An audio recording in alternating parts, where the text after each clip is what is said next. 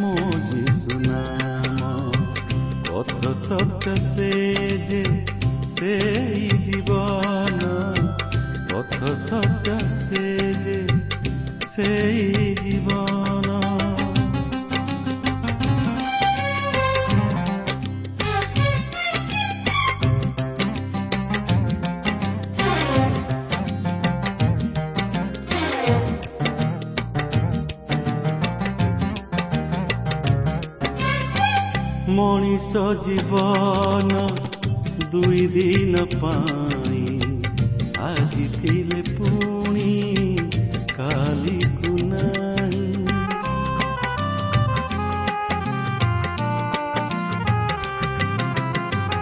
ଆସିଛି ମୁଁ ଏକା ଚାଲିଯିବି ଏକା। କରି ସେ ନାମ ନୀତି ଧ୍ୟାନ ସେଇ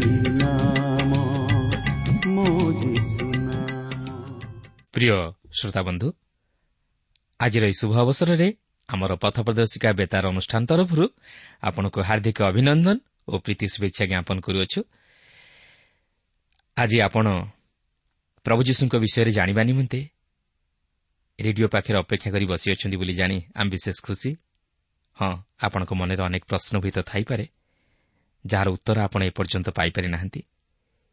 କିନ୍ତୁ ଆମର ବିଶ୍ୱାସ ଆପଣ ଯଦି ନିୟମିତ ଏହି କାର୍ଯ୍ୟକ୍ରମ ଶୁଣିବେ ତାହେଲେ ଆପଣ ଆତ୍ମିକ ଜୀବନରେ ଆଶୀର୍ବାଦ ପାଇବା ସଙ୍ଗେ ସଙ୍ଗେ ଆପଣଙ୍କର ପ୍ରଶ୍ନର ଉତ୍ତର ପାଇପାରିବେ ଏବଂ ଏକ ସମାଧାନରେ ଉପନୀତ ହୋଇପାରିବେ କେବଳ ସେତିକି ନୁହେଁ ଜୀବନରେ ବାସ୍ତବ ଶାନ୍ତି ଓ ଆନନ୍ଦ ଉପଲବ୍ଧି କରିବେ ସେହି ପରିତାଣର ଆନନ୍ଦକୁ ଉପଲବ୍ଧି କରିବେ ଆମର ଅନୁରୋଧ ଆପଣ ନିଜେ ଏହି କାର୍ଯ୍ୟକ୍ରମ ଶୁଣିବା ସଙ୍ଗେ ସଙ୍ଗେ ଅନ୍ୟମାନଙ୍କୁ ଶୁଣାଇବାରେ ସାହାଯ୍ୟ କରନ୍ତୁ ଆଉ ଆପଣଙ୍କର ଯଦି ପ୍ରାର୍ଥନାର କୌଣସି ଅନୁରୋଧର ବିଷୟ ରହିଅଛି ତାହେଲେ ସେହି ପ୍ରାର୍ଥନା ଓ ଆପଣଙ୍କ ଜୀବନର ସାକ୍ଷ୍ୟ ଲେଖି ଜଣାଇଲେ ଆମେ ଆପଣଙ୍କ ନିମନ୍ତେ ପ୍ରାର୍ଥନା କରିପାରିବୁ। ଆସନ୍ତୁ ପ୍ରଭୁଙ୍କର ବାକ୍ୟ ମଧ୍ୟକୁ ଯିବା ପୂର୍ବରୁ ସଂକ୍ଷେପରେ ପ୍ରାର୍ଥନା କରିବା। ପ୍ରିୟ ପବିତ୍ର ପ୍ରଭୁ ଆମମାନଙ୍କର ପବିତ୍ର ସ୍ୱର୍ଗବାସୀ ପିତା ତୁମର ପବିତ୍ର ନାମର ଧନ୍ୟବାଦ କରୁଅଛୁ। ତୁମର ଜୀବନ୍ତ ବାକ୍ୟ ପାଇଁ ତୁମର ଦୟା ଅନୁଗ୍ରହ ପାଇଁ। ପ୍ରଭୁ ଆଜି ମଧ୍ୟ ତୁମର ବାକ୍ୟ ମଧ୍ୟ ଦେଇ ତୁମେ ପ୍ରତ୍ୟେକ ଶ୍ରୋତାବନ୍ଧୁମାନଙ୍କ ହୃଦୟରେ କଥା କୁହ। ପ୍ରତ୍ୟେକଙ୍କର ଦୁଃଖ ତୁମେ ଦୂର କର। ପ୍ରତ୍ୟେକଙ୍କୁ ତୁମର ସେହି ଶାନ୍ତି ଆନନ୍ଦରେ ପରିପୂର୍ଣ୍ଣ କର। ପ୍ରତ୍ୟେକଙ୍କୁ ଆତ୍ମିକ ଜୀବନରେ ବର୍ଦ୍ଧିଷ୍ଣୁ ହେବା ନିମନ୍ତେ ସାହାଯ୍ୟ କର। ପ୍ରତ୍ୟେକଙ୍କର ମନବାଞ୍ଛା ତୁମେ ପୂର୍ଣ୍ଣ କର। ଆଜିର ଏହି କାର୍ଯ୍ୟକ୍ରମ ମଧ୍ୟ ଦେଇ ଆମମାନଙ୍କୁ ଆଶୀର୍ବାଦ କର। ଯୀଶୁଙ୍କ ନାମରେ ମାଗୁଅଛୁ।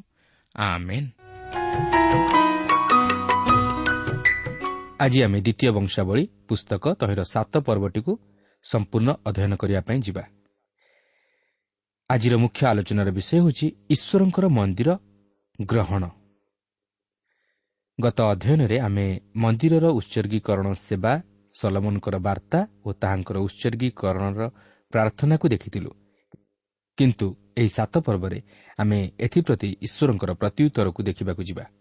ଦେଖନ୍ତୁ ସାତ ପର୍ବର ପ୍ରଥମ ପଦରେ ଏହିପରି ଲେଖା ଅଛି ସଲୋମନ ପ୍ରାର୍ଥନା କରିବାର ସମାପ୍ତ କରନ୍ତେ ଆକାଶରୁ ଅଗ୍ନି ଓହ୍ଲାଇ ହୋମ ଓ ବଳିଦାନ ସବୁକୁ ଗ୍ରାସ କଲା ଓ ସଦାପ୍ରଭୁଙ୍କର ପ୍ରତାପ ଗୃହକୁ ପରିପୂର୍ଣ୍ଣ କଲା। ଆପଣ ଜାଣିଥିବେ ଯେ ମୂଷାଙ୍କ ସମୟରେ ଠିକ୍ ଏହିପରି ଘଟିଥିଲା ଯେତେବେଳେ ସେ ପ୍ରାନ୍ତର ମଧ୍ୟରେ ସେହି ସମାଗମ ତମ୍ବୁର ନିର୍ମାଣ କାର୍ଯ୍ୟ ସମାପ୍ତ କଲେ। ଆଉ ସେହିପରି ଏଠାରେ ସଲମନ ଯେଉଁ ମନ୍ଦିର ନିର୍ମାଣ କଲେ ଈଶ୍ୱର ତାହା ଗ୍ରହଣ କଲେ। ଲକ୍ଷ୍ୟ କରନ୍ତୁ ଆକାଶରୁ ଅଗ୍ନି ଓହ୍ଲାଇ ହୋମ ଓ ବଳିଦାନ ସବୁକୁ ଗ୍ରାସ କଲା। ଏହାର ଅର୍ଥ ପାପ ଉପରେ ଈଶ୍ୱରଙ୍କର ବିଚାର ବର୍ତ୍ତିଲା। ଏହା ପ୍ରକୃତରେ ଖ୍ରୀଷ୍ଟଙ୍କର ବଳିଦାନ ଥିଲା ଯାହାକି ଈଶ୍ୱରଙ୍କ ନିକଟରେ ଗୃହୀତ ହେଲା। ଈଶ୍ୱର ମନ୍ଦିରକୁ ସୁନ୍ଦର ଦେଖି ଗ୍ରହଣ କରନ୍ତି ନାହିଁ। କିମ୍ବା ଏହା ବ୍ୟୟବହୁଳ ହୋଇଥିବାରୁ ସେ ତାହା ଦେଖି ଗ୍ରହଣ କରନ୍ତି ନାହିଁ। ମାତ୍ର ଏହା ଖ୍ରୀଷ୍ଟଙ୍କ ପ୍ରତି ଅଙ୍ଗୁଳି ନିର୍ଦ୍ଦେଶ କରୁଥିବାରୁ ସେ ତାହା ଦେଖି ଗ୍ରହଣ କରନ୍ତି। ତେବେ ଆମେ ଦେଖୁଛୁ ଯେ ଈଶ୍ୱରଙ୍କ ପ୍ରତାପରେ ମନ୍ଦିରଟି ପରିପୂର୍ଣ୍ଣ ହେଲା ଓ ସେହି ସମସ୍ତ ହୋମବଳୀକୁ ଗ୍ରାସ କଲା। ଏହି ଲୋକମାନେ ଈଶ୍ୱରଙ୍କର ଦୃଶ୍ୟ ଉପସ୍ଥିତିକୁ ଦେଖିଥିଲେ।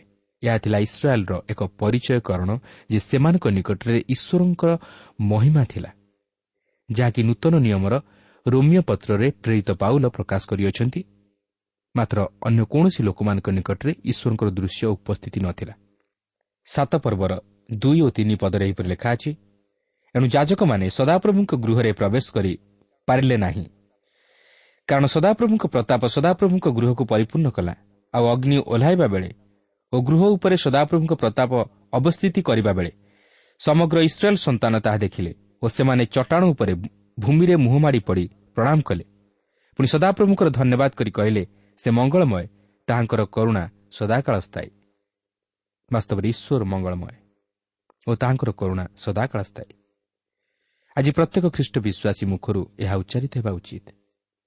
ଆଜି ଅନେକ ଈଶ୍ୱରଙ୍କୁ ଗୌରବ ଦିଅନ୍ତି ନାହିଁ କି ତାହାଙ୍କର ଧନ୍ୟବାଦ କିମ୍ବା ପ୍ରଶଂସା କରନ୍ତି ନାହିଁ। ମାତ୍ର ନିଜର ଗୌରବ ଅନ୍ୱେଷଣ କରନ୍ତି ଓ ସବୁକିଛି ନିଜେ କରନ୍ତି ଓ ନିଜର ବୋଲି ଭାବନ୍ତି। ମାତ୍ର ତାହା ଠିକ୍ ନୁହେଁ। ଈଶ୍ୱରଙ୍କ ନିକଟରେ ଆମକୁ ନତମସ୍ତକ ହେବାକୁ ପଡ଼ିବ। ଓ ଈଶ୍ୱରଙ୍କୁ ଗୌରବ ଦେବାକୁ ହେବ। ଏହା ମନୁଷ୍ୟର ପୁଣ୍ୟ କର୍ତ୍ତବ୍ୟ କର୍ମ। ଚାରି ଓ ପାଞ୍ଚ ପଦରେ ଏହିପରି ଲେଖା ଅଛି। ତମ ରାଜା ଓ ସମଗ୍ର ଲୋକ ସଦାପ୍ରଭୁଙ୍କ ସମ୍ମୁଖରେ ବଳି ଉତ୍ସର୍ଗ କଲେ। ପୁଣି ସଲୋମନ ରାଜା ବାଇଶ ହଜାର ଗୋରୁ ଓ ଏକ ଲକ୍ଷ କୋଡ଼ିଏ ହଜାର ମେଷ ବଳିଦାନ କଲେ।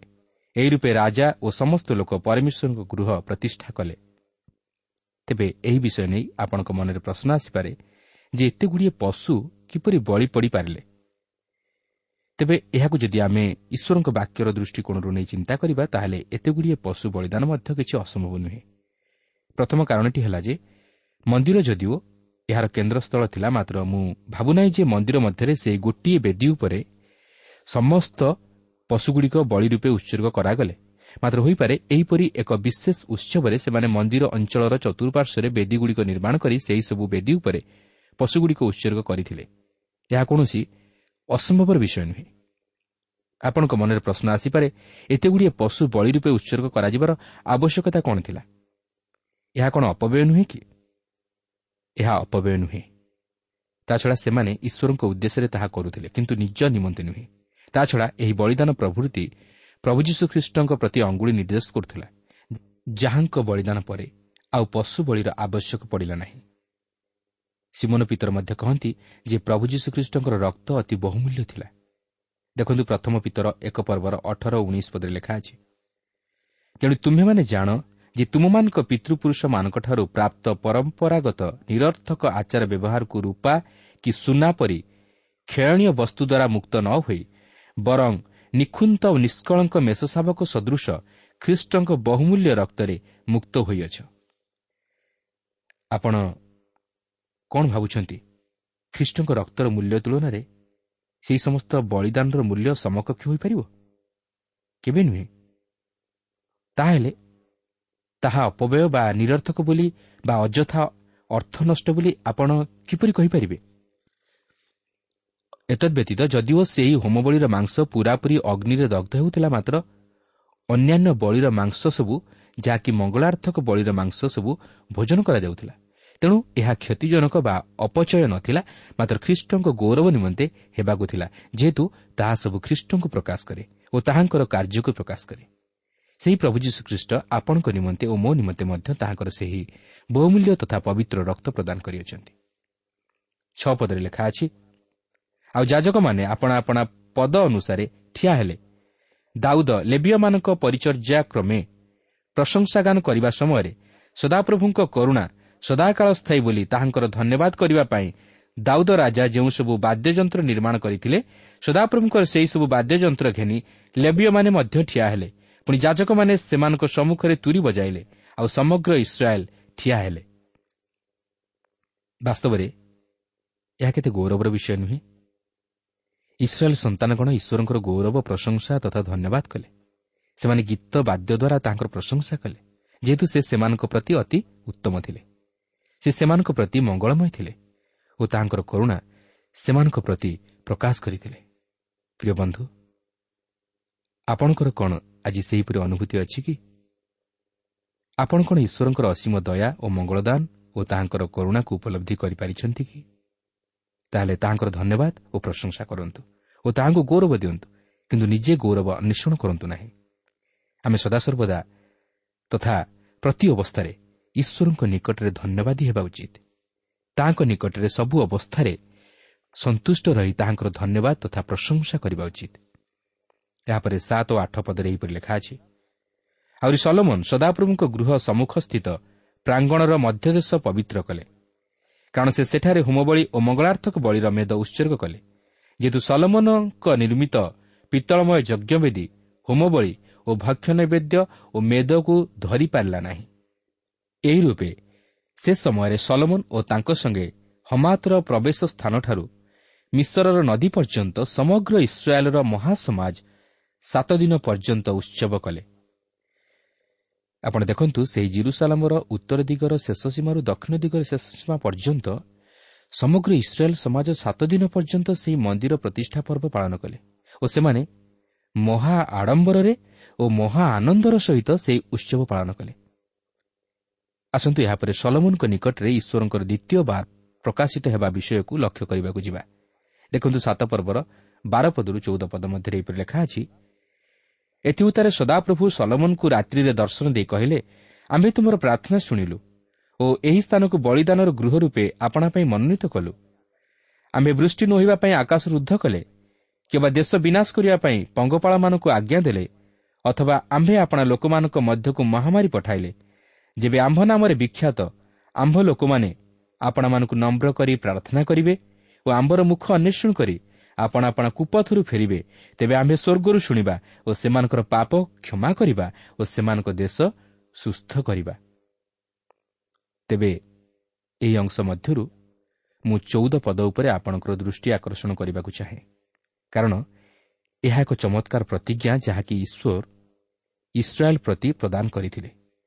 ଓ ଏହା ମଧ୍ୟ ଆକ୍ଷରିକ ଭାବେ ସେମାନଙ୍କ ପ୍ରତି ସଫଳ ହେବାକୁ ଥିଲା।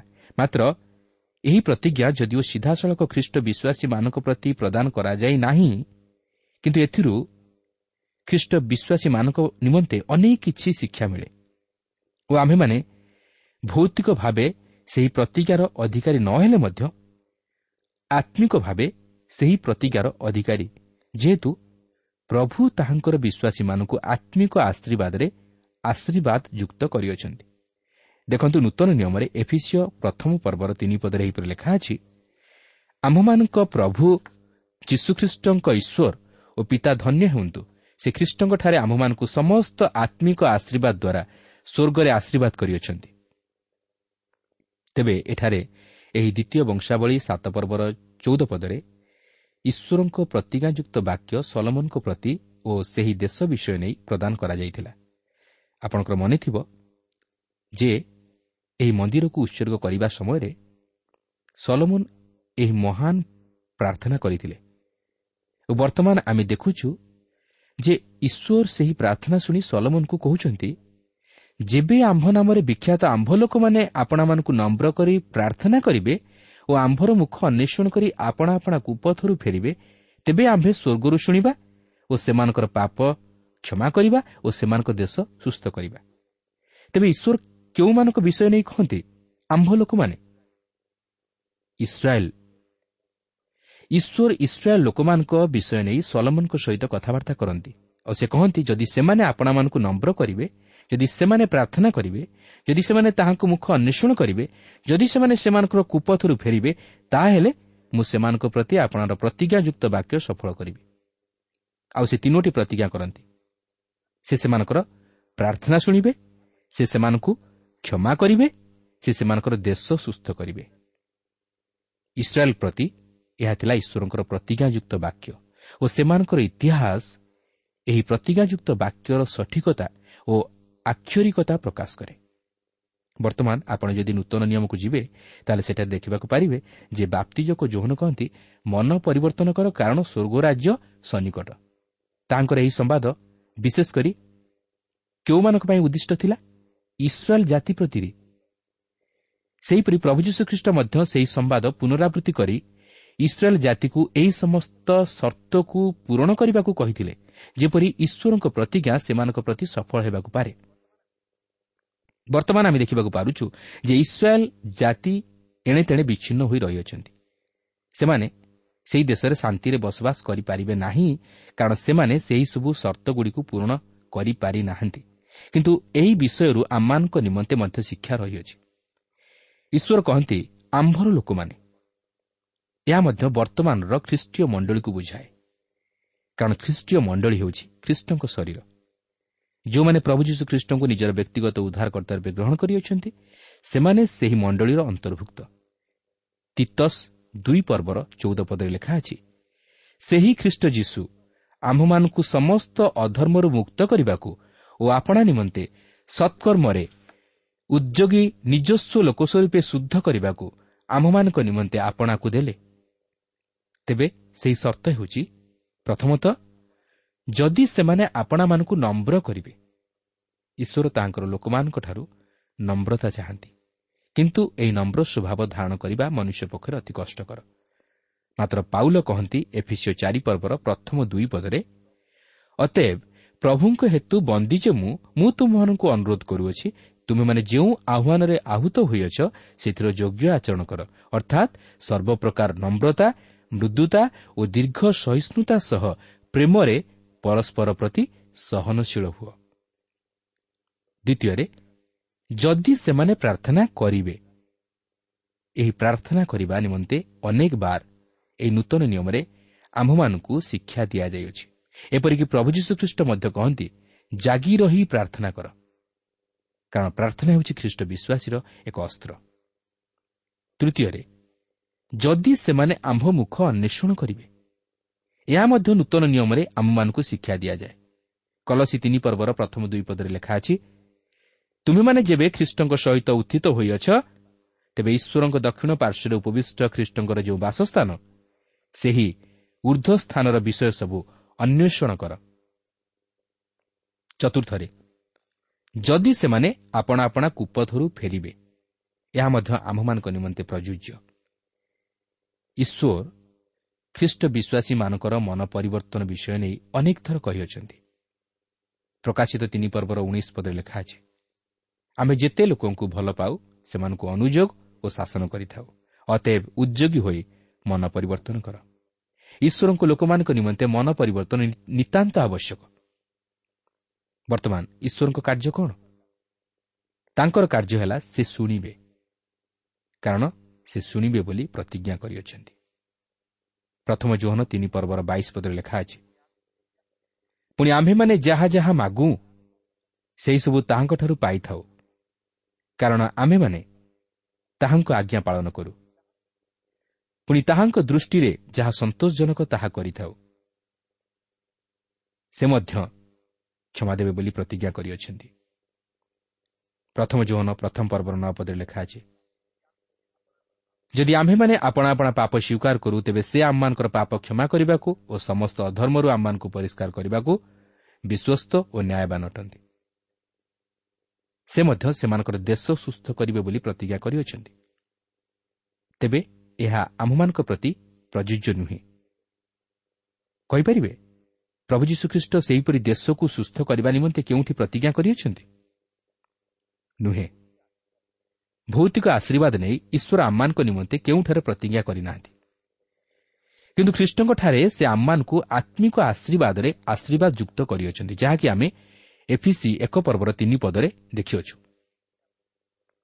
ଏହାପରେ ସାତ ପର୍ବର ସତର ଓ ଅଠର ପଦରେ ଏହିପରି ଲେଖା ଅଛି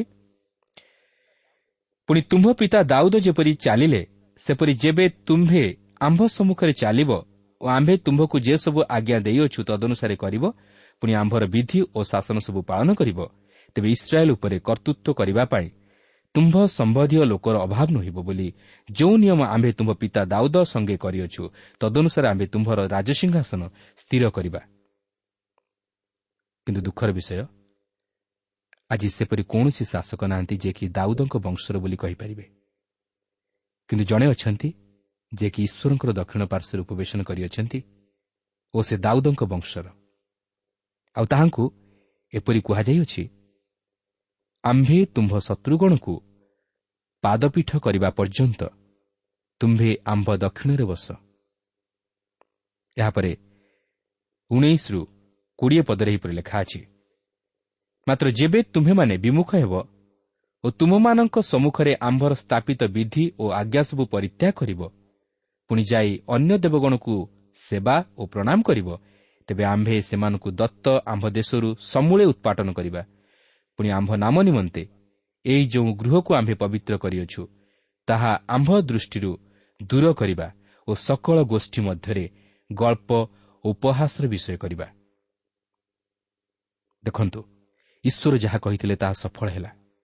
ସେମାନଙ୍କର ପାପ ଓ ବିରୁଦ୍ଧାଚରଣ ଲାଗି ସେଠାରେ ସେହି ମନ୍ଦିର ପରିବର୍ତ୍ତେ ଉମାରର ମସ୍ଜିଦ୍ ଛିଡ଼ା ହୋଇଅଛି। ଏକୋଇଶ ପଦରେ ଲେଖା ଅଛି ଆଉ ଏହି ଯେ ଗୃହ ଏଡ଼େ ଉଚ୍ଚ ହୋଇଅଛି। ତହିଁ ନିକଟ ଦେଇ ଗମନକାରୀ ପ୍ରତ୍ୟେକ ଲୋକ ଚମତ୍କୃତ ହୋଇ ପଚାରିବେ ଏହି ଦେଶ ଓ ଗୃହ ପ୍ରତି ସଦାପ୍ରଭୁ କାହିଁକି ଏପରି କଲେ? ଏହି ପଦ ଅନୁଯାୟୀ ଆଜି ମଧ୍ୟ ସମସ୍ତଙ୍କ ମନରେ ଏହି ପ୍ରଶ୍ନ କାହିଁକି ସେଠାରେ ମନ୍ଦିର ପରିବର୍ତ୍ତେ ଉମାରର ମସ୍ଜିଦ୍ ରହିଅଛି? କିନ୍ତୁ ଏହା ଘଟିବ ବୋଲି ମଧ୍ୟ ଈଶ୍ୱର ପ୍ରତିଜ୍ଞା କରିଥିଲେ। ବାଇଶ ପଦରେ ଲେଖା ଅଛି ତହିଁରେ ଲୋକେ ଉତ୍ତର କରି କହିବେ ସଦାପ୍ରଭୁ ସେମାନଙ୍କ ପୂର୍ବପୁରୁଷ କଣର ଯେଉଁ ପରମେଶ୍ୱର ସେମାନଙ୍କୁ ମିଶ୍ର ଦେଶରୁ ବାହାର କରି ଆଣିଥିଲେ ତାହାଙ୍କୁ ସେମାନେ ପରିତ୍ୟାଗ କରି ଅନ୍ୟ ଦେବଗଣକୁ ଅବଲମ୍ବନ କଲେ ଓ ସେମାନଙ୍କୁ ପ୍ରଣାମ କରି ସେବା କଲେ। ଏହେତୁ ସେ ସେମାନଙ୍କ ଉପରେ ଏହିସବୁ ଅମଙ୍ଗଳ ବର୍ତ୍ତାଇ ଅଛନ୍ତି।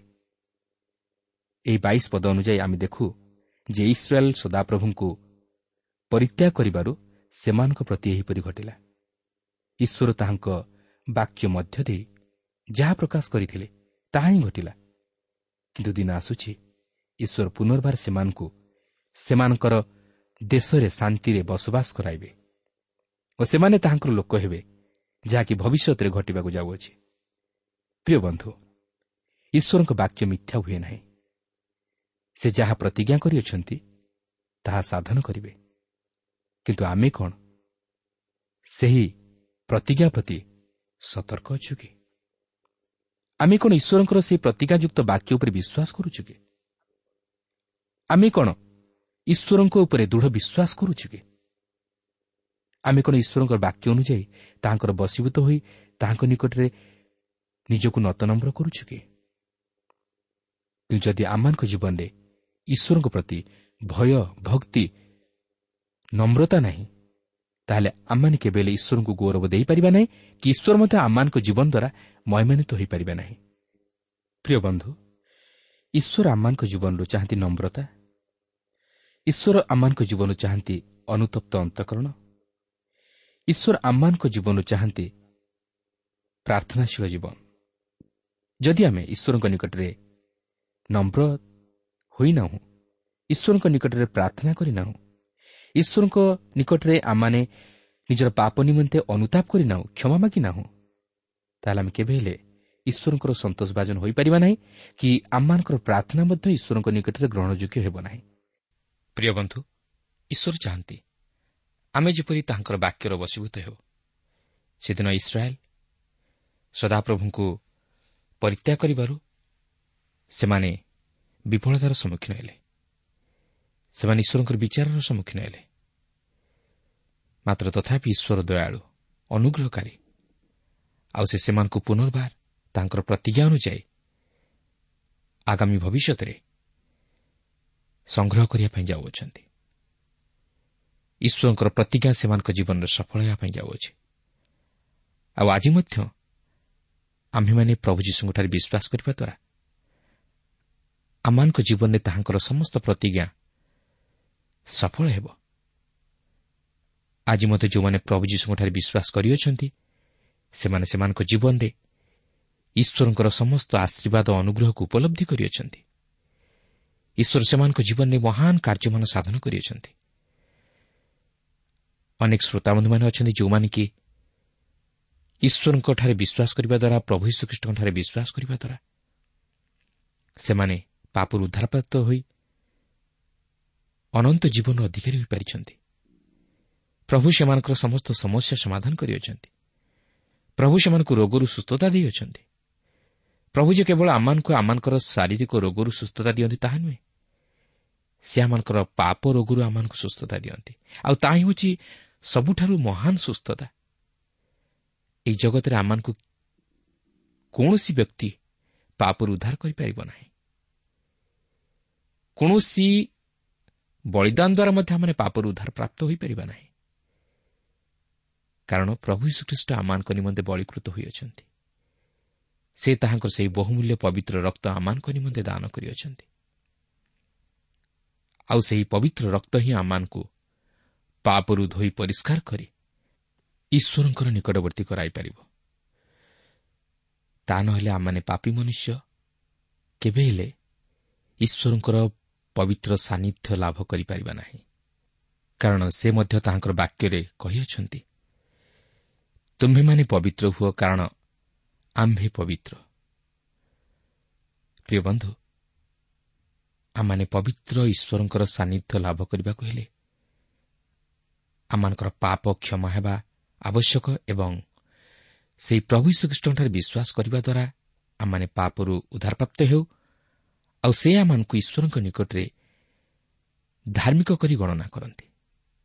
ତେଣୁ ଆସୁ ସେହି ପ୍ରଭୁ ଯୀଶୁଖ୍ରୀଷ୍ଟଙ୍କଠାରେ ବିଶ୍ୱାସ କରି ପାପରୁ ଉଦ୍ଧାରପ୍ରାପ୍ତ ହୋଇ ଈଶ୍ୱରଙ୍କ ନିକଟରେ ଧାର୍ମିକ ବୋଲି ବିବେଚିତ ହେବା ପାଇଁ ଚେଷ୍ଟା କରୁ। ପ୍ରଭୁ ପ୍ରତ୍ୟେକଙ୍କୁ ଆଶୀର୍ବାଦ କରନ୍ତୁ।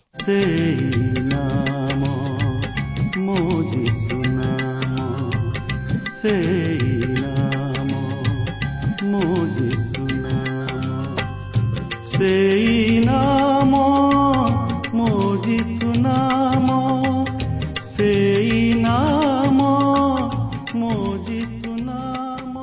ଶ୍ରୋତା ଆପଣ ଈଶ୍ୱରଙ୍କ ବାକ୍ୟ ଶୁଣିବା ନିମନ୍ତେ ସମୟ ଦେଇଥିବାରୁ ଆମେ ଧନ୍ୟବାଦୀ।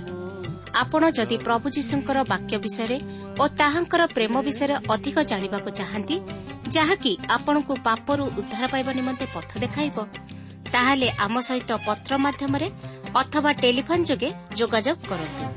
ଆମର ଠିକଣା ପଥ ପ୍ରଦର୍ଶିକା trans world radio India post box number ତିନି ତିନି ଭୁବନେଶ୍ୱର ସାତ ପାଞ୍ଚ ଏକ ଶୂନ ଶୂନ ଏକ mobile number nine seven double seven double two one four one five ଠିକଣାଟି ଆଉଥରେ ଶୁଣନ୍ତୁ ପଥ ପ୍ରଦର୍ଶିକା Trans World Radio India post box number three three Bhubaneswar seven five one zero zero one mobile number nine seven double seven double two one four one five ଆମର email ଆଡ୍ରେସ୍ଟି ଲେଖି ରଖନ୍ତୁ Odia TTV at radio eight eight two dot com ତେବେ ଆଜି ପାଇଁ ଏଇଠାରେ ରଖୁଛୁ।